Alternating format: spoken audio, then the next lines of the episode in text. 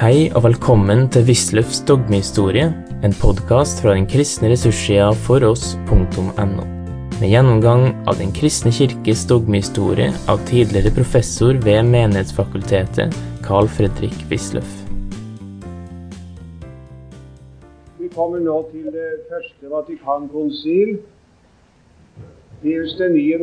Han eh, hadde i flere år slått på at eh, det kunne være nødvendig og ønskelig med et alminnelig konsil. Det var eh, i særdeleshet én ting som ikke var satt, slått riktig fast enda, og det var protestantenes påstand om at Kirken ikke er ufeilbar. Eh, det er i seg selv et eh, eiendommelig punkt, forresten. Luther kunne der si begge deler, at Kirken ofte har faret vill, og konsiler har faktisk faret vill. Men han kunne også si at Kirken kan ikke fare vill. Og tenkte da i sistnevnte tilfelle på den sanne kirke som holder seg til Guds ord. Kan ikke fare vill. Men uh, den egentlige protestantiske standpunkt var jo at Kirken, romerske kirke med paven i spissen og med konsiler osv., kan fare vill. Og dette syntes man ikke var tatt hensyn til og tilbakebevist med tilstrekkelig eh, styrke. Og eh, så kom jo dertil det da som ikke så lett var blitt glemt, at de gallikanske artikler som vi har talt om i 1682, de bygget på Konstanskonsilet ex sancta synodus, nemlig at uh, konsilet er det øverste i Kirken, over paven. Og hva hadde ikke hendt i opplysningstiden med Febronius? Man hadde hevdet at pavens primat bare var et primat i ære og anseelse. En viss formell forrang, men ikke noen av teologisk avgjørende betydning. Eh, så kom da eh, innkallelsen, og den kom faktisk allikevel meget overraskende. Akkurat som innkallelsen i 1959 kom overraskende til det annet Vatikankonsil. Det ble en stor, eh, virkelig svær oppstandelse i alle leirer. Og det gjorde det her også, så meget mer som det ikke ble sagt det minste om hva man skulle forhandle om. Så kom Civilta Catolica, jesuitenes organ i Rom, og sa det skal forhandles om pavens ufeilbarhet. Og det skal defineres et dogme om det. Og da ble forskrekkelsen veldig stor i mange kretser. Den ble stor i politiske kretser. Eh, Bayern, som jo var en utpreget katolsk stat, erkekatolsk stat, prefererte katolisismen og paven i aller høyeste grad, var allikevel meget engstelig for dette og gjorde en formelig diplomatisk demarsj til en rekke uh, stater i Europa, således også til Prøysen, uh, hvor uh, Bismarck allikevel hadde på det tidspunkt ikke noe lyst på noe oppgjør med paven.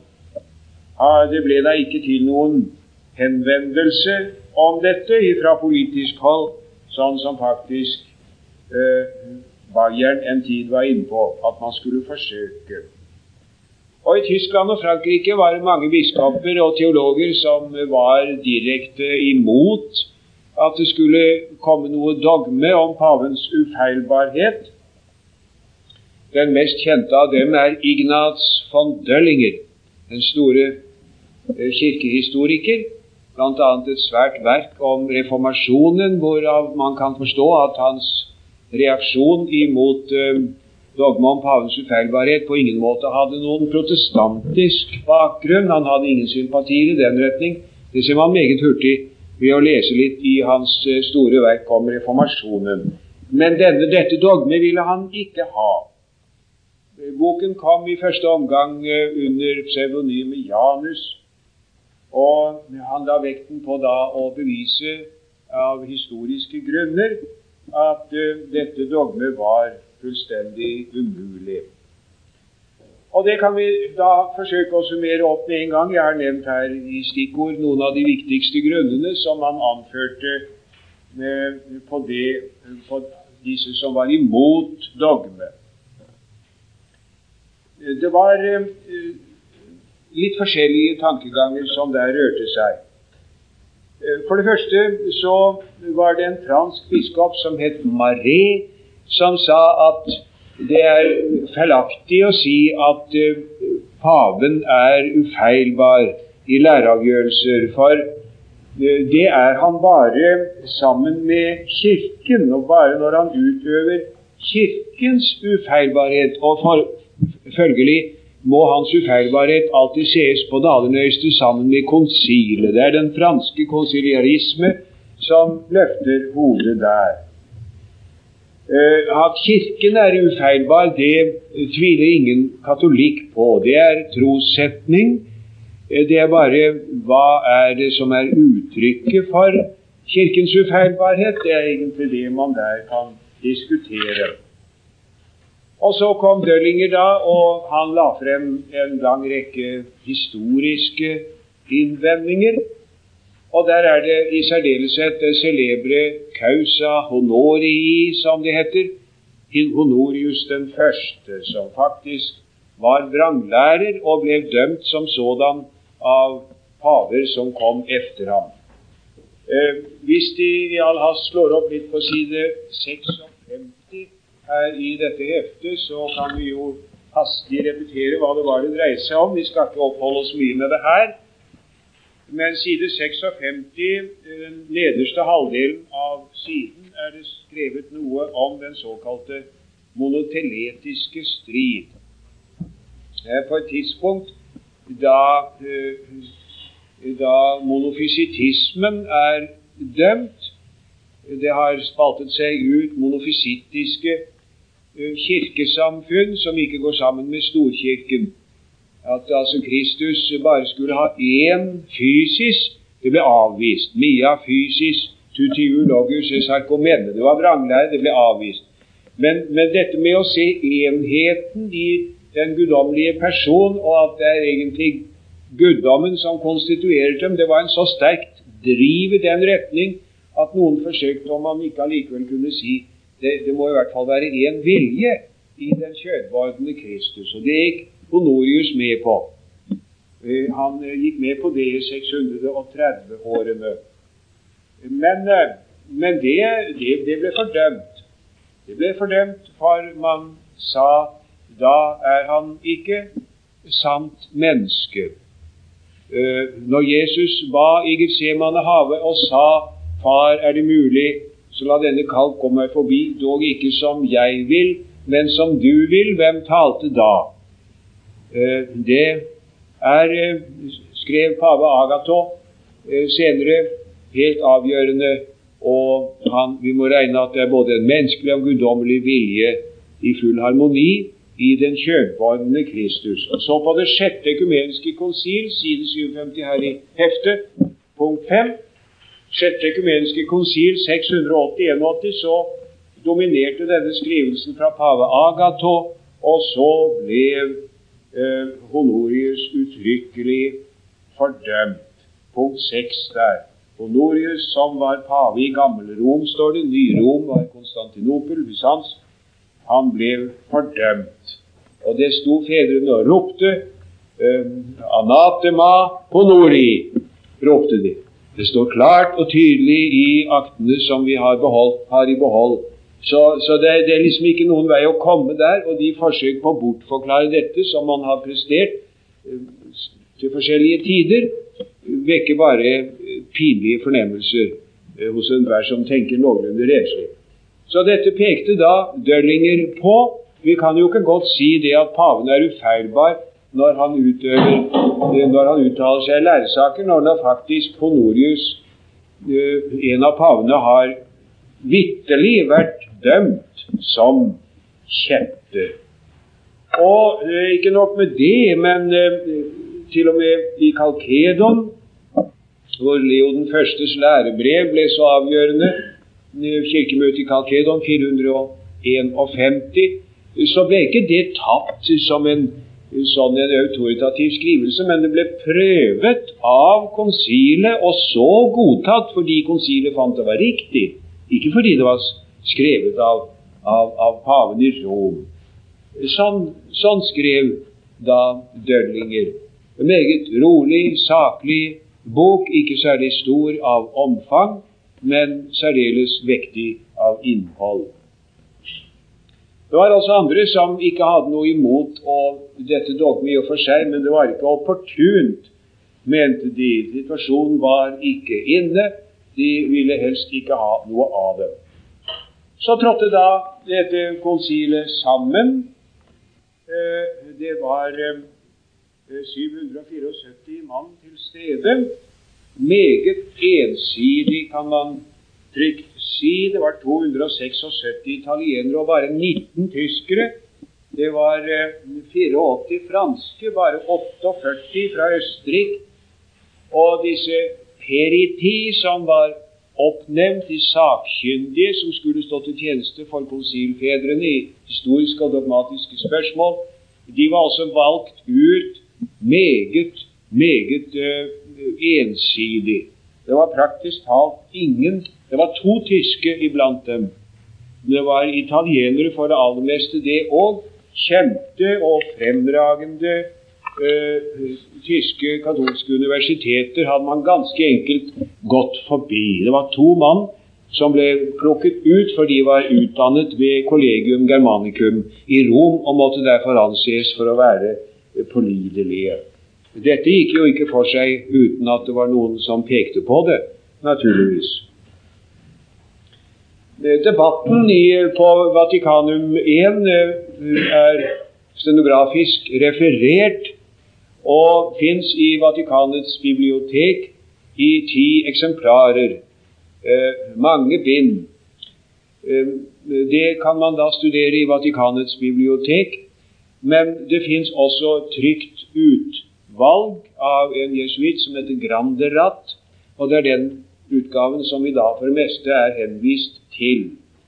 Noen fullstendig trykk fins ikke av dette. Men det må jo sies at uh, den samme Grandrat er Han virker i hvert fall, syns jeg, objektiv og tar med mange ting som uh, man skulle tro de ville ha dekket over hvis man først skulle være, skulle være innstilt innstillet på det. Jeg må tilstå at jeg har ikke vært og sett på de ti uh, eksemplarer som fins av det stenografiske referat. Det skal være ti eksemplarer av det bare. Uh, men Granderats bok har jeg til gjengjeld studert ganske inngående.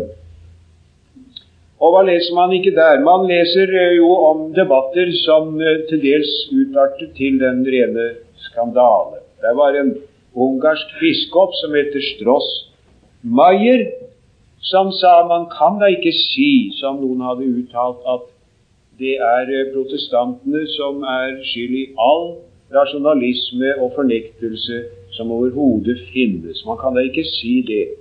De farer vill, de farer vill utvilsomt, men mange av dem er i god tro. Da ble det voldsom piping og skrål og skrik.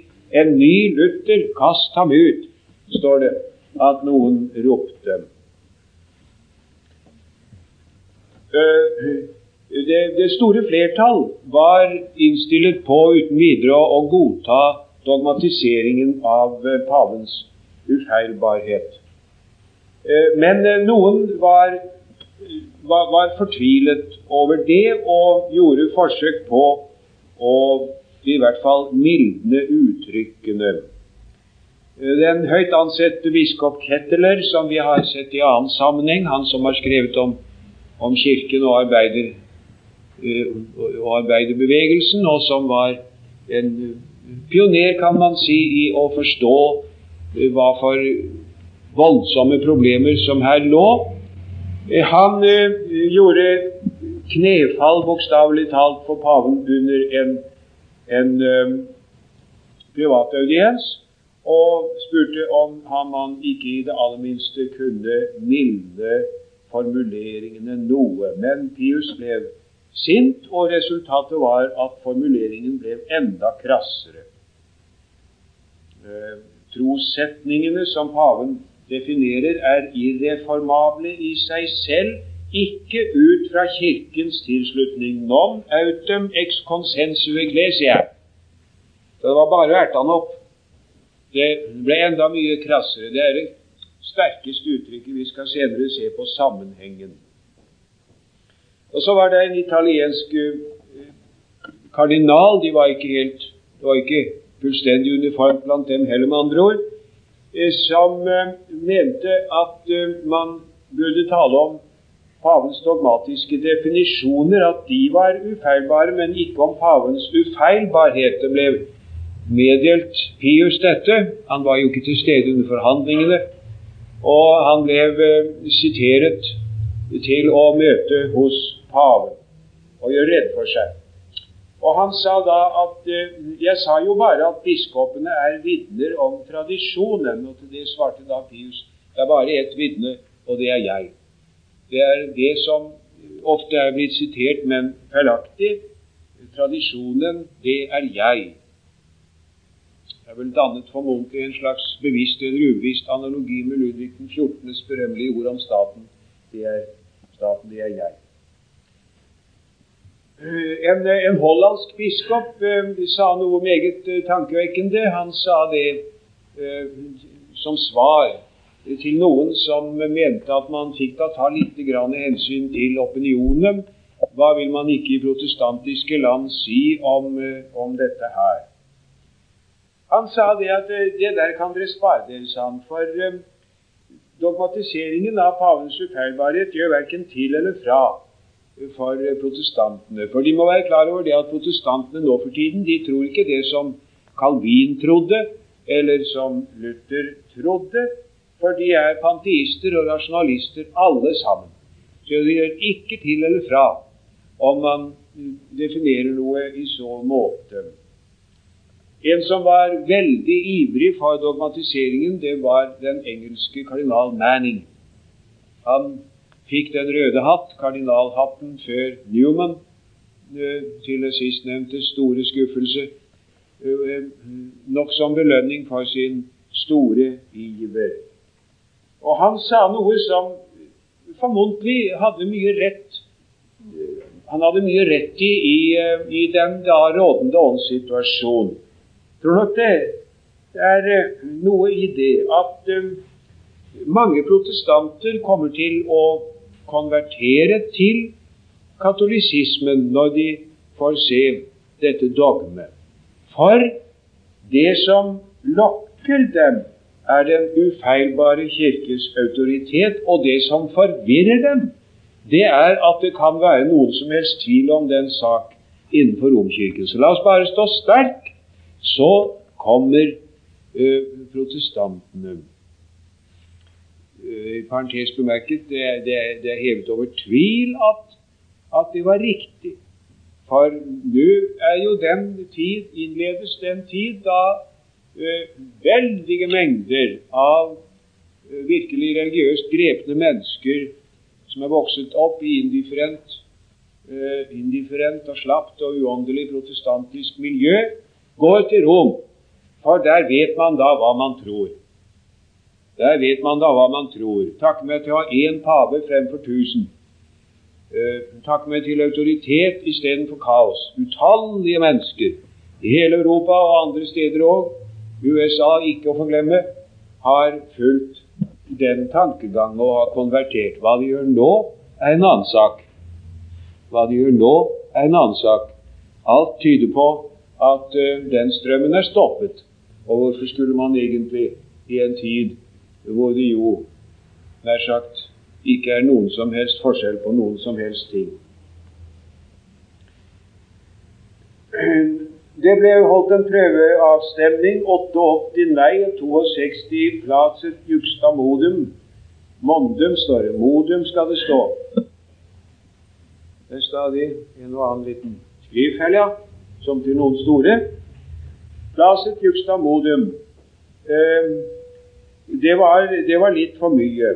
Og da ga paven eh, tillatelse til at de som ville, kunne forlate Rom. Og dem så reiste de som hadde store betenkeligheter. Og så ble pavens eh, ufeilbar vedtatt mot to stemmer, og de falt til fote under selve møtet. Det var to utholdende mennesker som altså protesterte inn til det siste, men dog gav seg under selve møtet. Og så den 18. juli 1870 klokken ni om morgenen var forsamlingen i Peterskirken og hørte Pius lese opp den apostoliske konstitusjon om sin egen ufeilbarhet. Det var et voldsomt uvær som gikk over Rom eh, akkurat da. Det ble så mørkt så de måtte tenne en, en, eh, et, et, stort lys og sette ved siden av paven, sånn at han kunne lese eh, konstitusjonens tekst. Og tordenen rullet eh, over byen. Det ble jo tolket forskjellig. De som var imot dogme, de sa 'himmelen protesterer'. Og de som var for dogme, de sa 'hør helvetes maktesløse raseri'.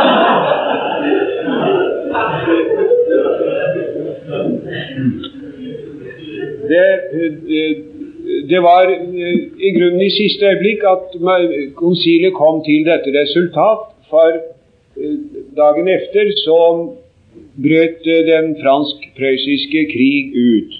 1870 jo. Og nå var det jo sånn at eh, Frankrike garanter, hadde garantert kirkestatens integritet, og det lå betydelige franske troppsstyrker i Rom og andre steder i kirkestaten. Men nå trengte Napoleon 3. disse troppene selv i høy grad. Det hjalp ikke stort, som vi husker. Det ble et ynkelig nederlag. Men de ble jo all hast trukket ut og så kom de politiske begivenheter i Italia, som førte jo til at, eh, at eh, Rom ble den italienske kongerikes hovedstad. Og paven erklærte at han var fange i Vatikanet. Kirkestaten ble opphevet. Og han var fangen i Vatikanet, hvilket han vedblev å være inntil 1929, da Mussolini inngikk et konkordat med paven og den diminutive eh, pavestaten er en su suveren stat, men man kan vel spasere omkring på. Jeg har flere ganger tenkt at jeg skulle faktisk gjøre det for å se hvor lang tid det tok, men jeg har aldri gjort det. Men jeg tipper at man gjør mye på en halv time. Eh, men det er en suveren stat allikevel. Og og så ble konsilet eh, utsatt på ubestemt tid, for det var ikke noen situasjon til å holde noe konsil. Det skulle også komme til å få sin betydning, for man ble ikke ferdig med konstitusjonen om Kirken. Og det ble naturligvis da tatt til utgangspunkt, og med god grunn, da det annet Vatikankonsil åpnet sine forhandlinger. Det var tross alt et hull men derom mer siden.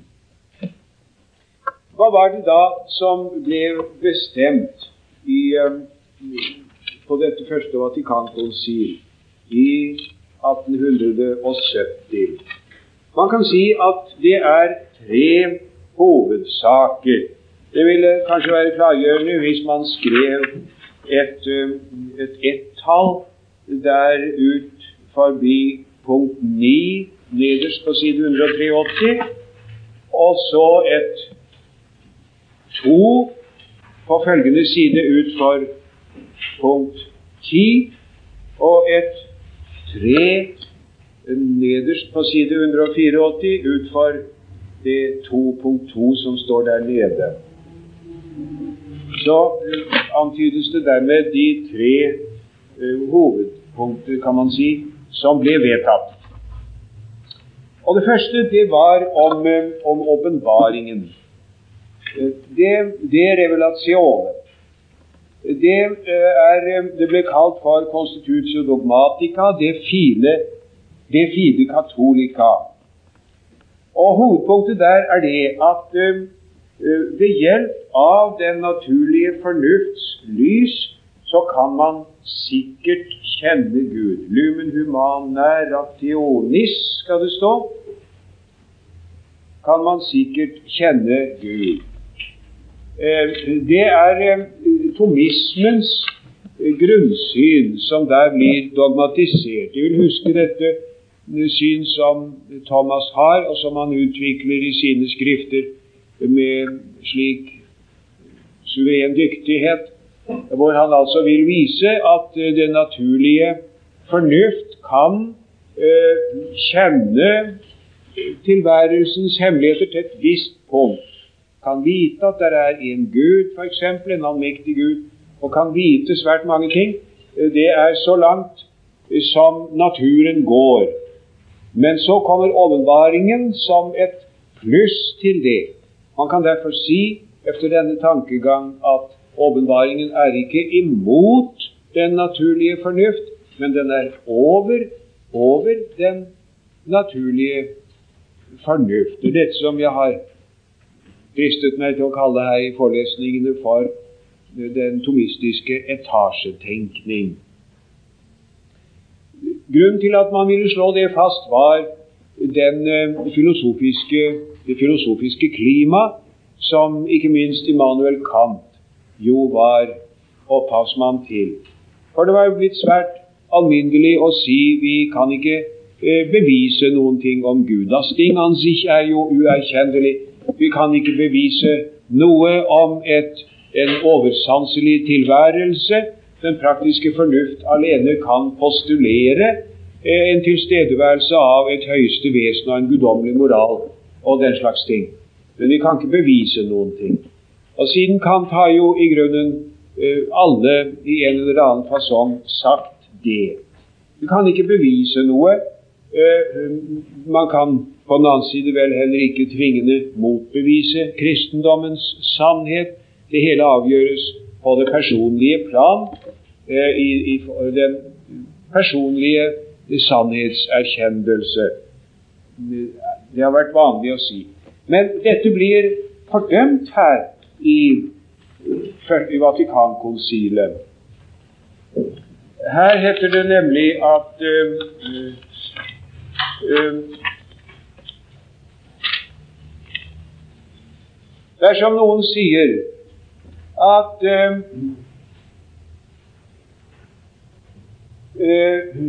den guddommelige åpenbaring ikke kan gjøres troverdig ved utvortes tegn, og at menneskene derfor bare beveges til troen ved en indre overbevisning ut fra erfaring, kan være anatema. Altså, man må ikke si det der at Eh, den guddommelige åpenbaring kan ikke demonstreres ved ytre bevis. Må man ikke si. Det er, eh, det er det første som ble slått fast. Og så kommer det neste.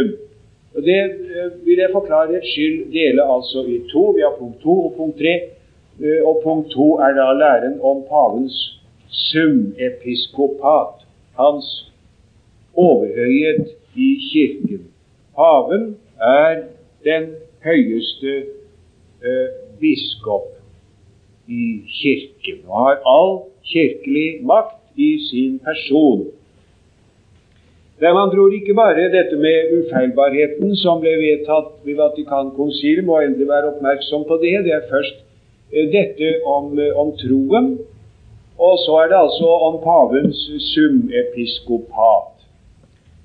Der eh, heter det sånn at Peter var av Kristus innsatt som alle apostlers prinseps, formann eller leder og hele kirkens hode. Og det var ikke bare en æresrang, en æresstilling, men et virkelig primat i jurisdiksjon.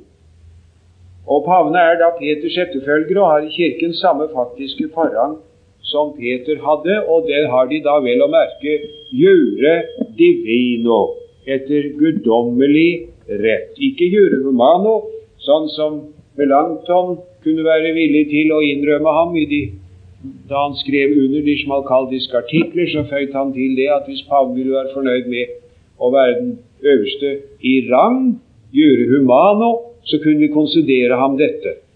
Men det har paven aldri vært interessert i. Det er en, en overhøyet jure divino som er saken. Her viser man da, karakteristisk nok, til det alminnelige konsil i Firenze i 1439. Og det, det er ikke for ingenting, når vi tenker på det. Eh, det der er jo konsilet i Firenze som kom etter uh, reformkonsilet i Basel. Du vil huske det, disse reformkonsilene på 1400-tallet. Uh, Pisa, Konstans og Basel. Men det ble jo ikke til noen ting. Det ble Paven seiret, og omsider så forlot paven Så flyttet paven konsilet fra Basel og til Firenze. De valgte en motpave i Basel og prøvde å holde det gående en liten stund, men alle var i grunnen lei av dem, og paven hadde, fikk makten. Og i den situasjonen får han henvendelse ifra grekerne, som gjorde siste fortvilet forsøk på å vekke Europa til og hjelpe dem, og så stå imot tyrkerne, som jo tok Konstantinopel like etterpå, som de husker. Det ble det jo ingenting av. Men de kunne jo alltids ta imot en ydmykelse av grekerne, de gresk-ortodokse, og det gjorde de. De gikk med på praktisk talt alt mulig, og ikke minst så gikk de med på pavens ø, overhøyhet i kirken. Det hadde ingen av, del, ingen av partene noen glede av, for disse som kom tilbake, er senere blitt betraktet som forrædere av den gresk-ortodokse kirke. Så sent som i fjor kom der et skrift i Sverige. De har et ortodox, en ortodoks årbok. Det er ikke så ganske få innvandrede uh, ortodokse troende i, i Sverige, østeuropeere og andre, balter til dels, uh, som er gresk-ortodokse. Og det er interessant å lese en stor, ganske lærd avhandling om Markus av Efesos, som sto imot til siste blodstråpe på møtet i Firenze, og som her hyldes som en sannhetens apostel.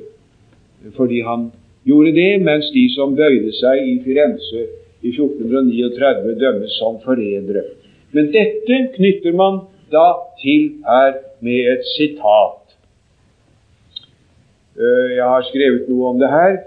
Vi fornyer derfor avgjørelsen i det alminnelige konsil i Firenze, ifølge hvilket alle troende kristne må tro at Den hellige apostoliske stol og paven i Rom har forrang over hele jordens krets, og at den romerske pave er den hellige apostel fyrste Peters etterfølger, Kristi sanne stedfortreder, og som hele Kirkens hode også alle kristnes far og lærer, og at den samme, nemlig paven, i den hellige Peter, av vår Herre Jesus Kristus selv har fått seg overdratt den fulle autoritet til å røkte, styre og forvalte hele Kirken.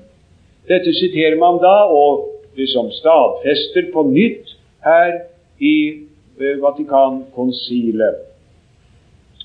For at det da ikke skulle bli for hardt, så føyer man til noe. Det er likevel langt derfra at denne øverste, øverste prestes makt gjør noe avbrekk i den ordentlige og umiddelbare myndighet i den biskopelige jurisdiksjon ifølge biskopene innsatt av Den hellige ånd, følger etter i apostlenes sted og røkter og styrer de dem betrådde uh, jorder som virkelige hyrder. Da uh, løfter man jo på uh, rynker man jo på pannen og løfter på øyenbrynene og sier jaha, se det, altså her blir jo allikevel innrømmet biskopene ganske meget, da. Men les så følgende setning meget mer er denne makt beskyttet, befestet og forsvart av den øverste alminnelige hyrde selv, og dermed detter igjen, for det er til syvende og sist bare paven. Og det fremgår ganske tydelig av referatene at det var kardinal Manning som sørget for å få den siste setningen inn. Det er jo selvfølgelig her som alltid når mennesker skal vedta en uttalelse og en erklæring, de filer og de og de haler, de retter og de skriver om. Og noen får inn et ord her, eh, andre får inn et ord der. Og så er det etterpå da granskernes sak å finne ut hvem som gjorde hva. og hva det hele til syvende og sist betyr. Her er det Manning som har torpedert et drabelig forsøk på dog å si noe vesentlig om biskopene. Eh, den samme eh, Manning han, eh, han fikk også inn en, en kanon si quis ergo dixerit. Dersom noen sier at det ikke er av guddommelig innstiftelse at den salige Peter har primat over hele den universelle kirke, eller at paven ikke er den salige Peters efterfølger i dette privat, eh, primat, han være anatema. Altså, ingen må si at dette ikke er en guddommelig innstiftelse, for da er det anatema.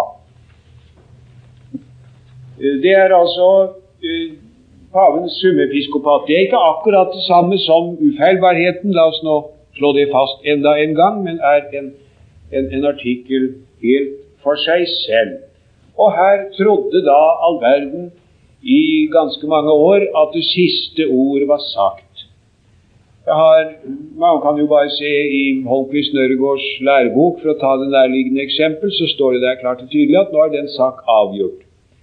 Og her etter krigen så kom en autoritet som Walter von Løvenich med sin store, ypperlige bok 'Den moderne katolisismus', og sa akkurat det samme bare noen få år før annet Vatikan-konsil.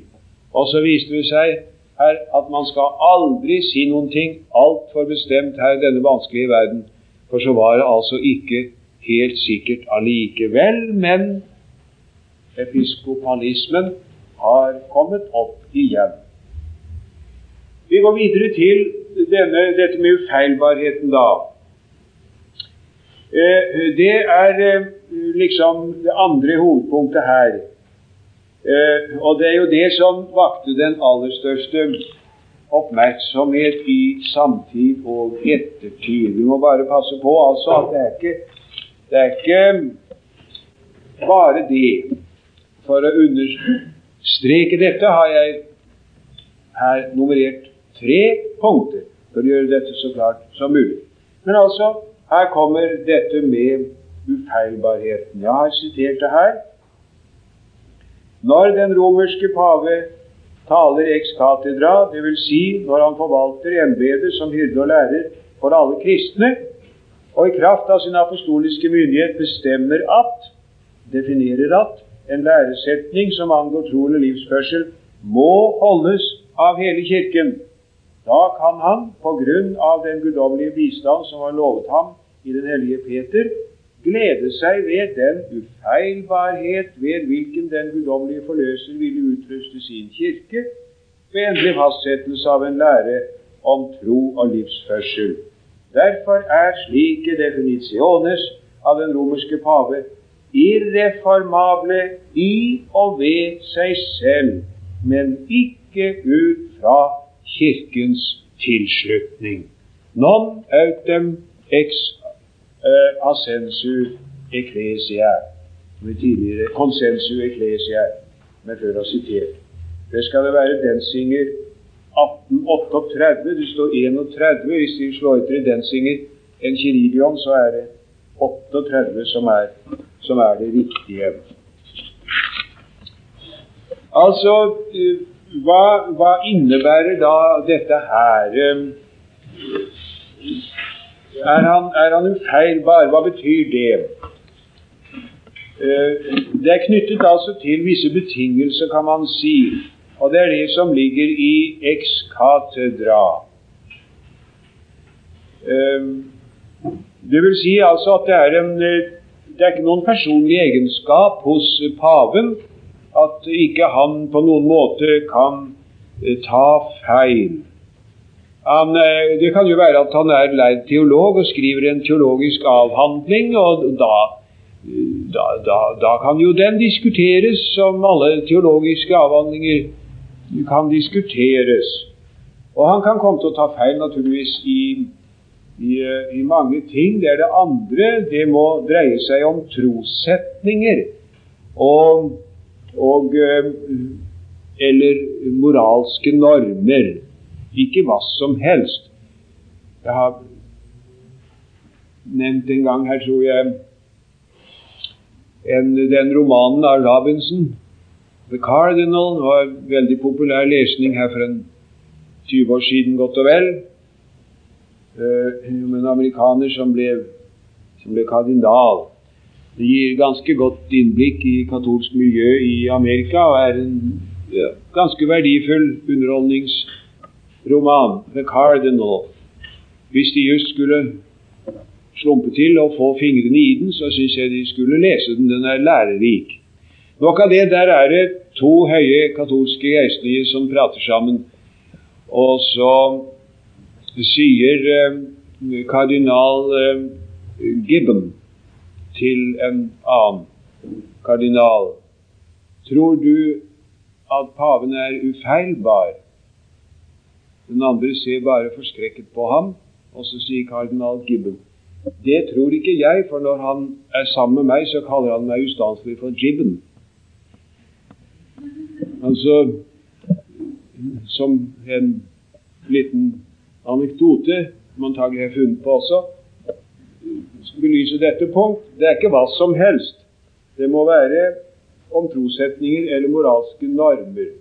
Og så må det være en lærer som skal forplikte hele Kirken.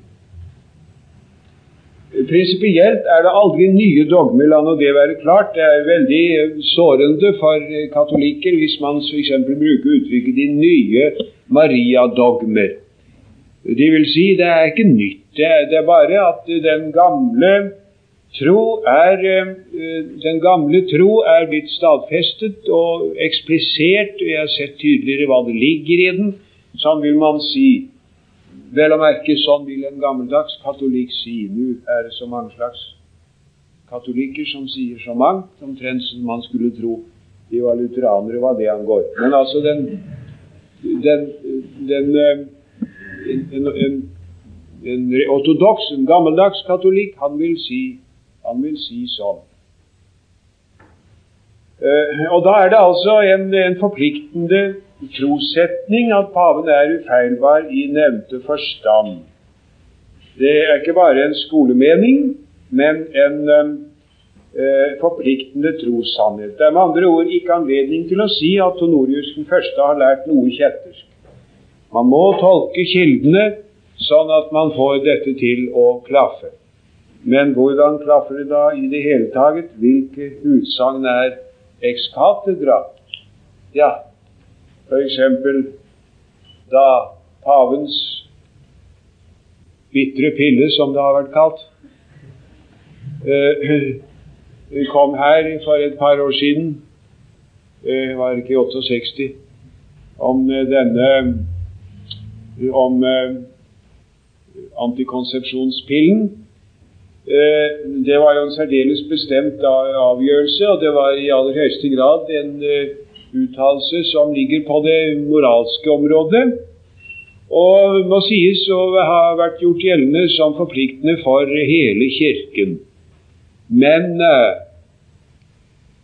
ja, ja, vi skal se på det siden. Det, det er ikke så lett som det var nå lenger. Du har nå hørt Wisløffs dogmehistorie. Finn flere ressurser og vær gjerne med å støtte oss på foross.no. Følg også gjerne noen av våre andre podkaster, f.eks. Table Talks.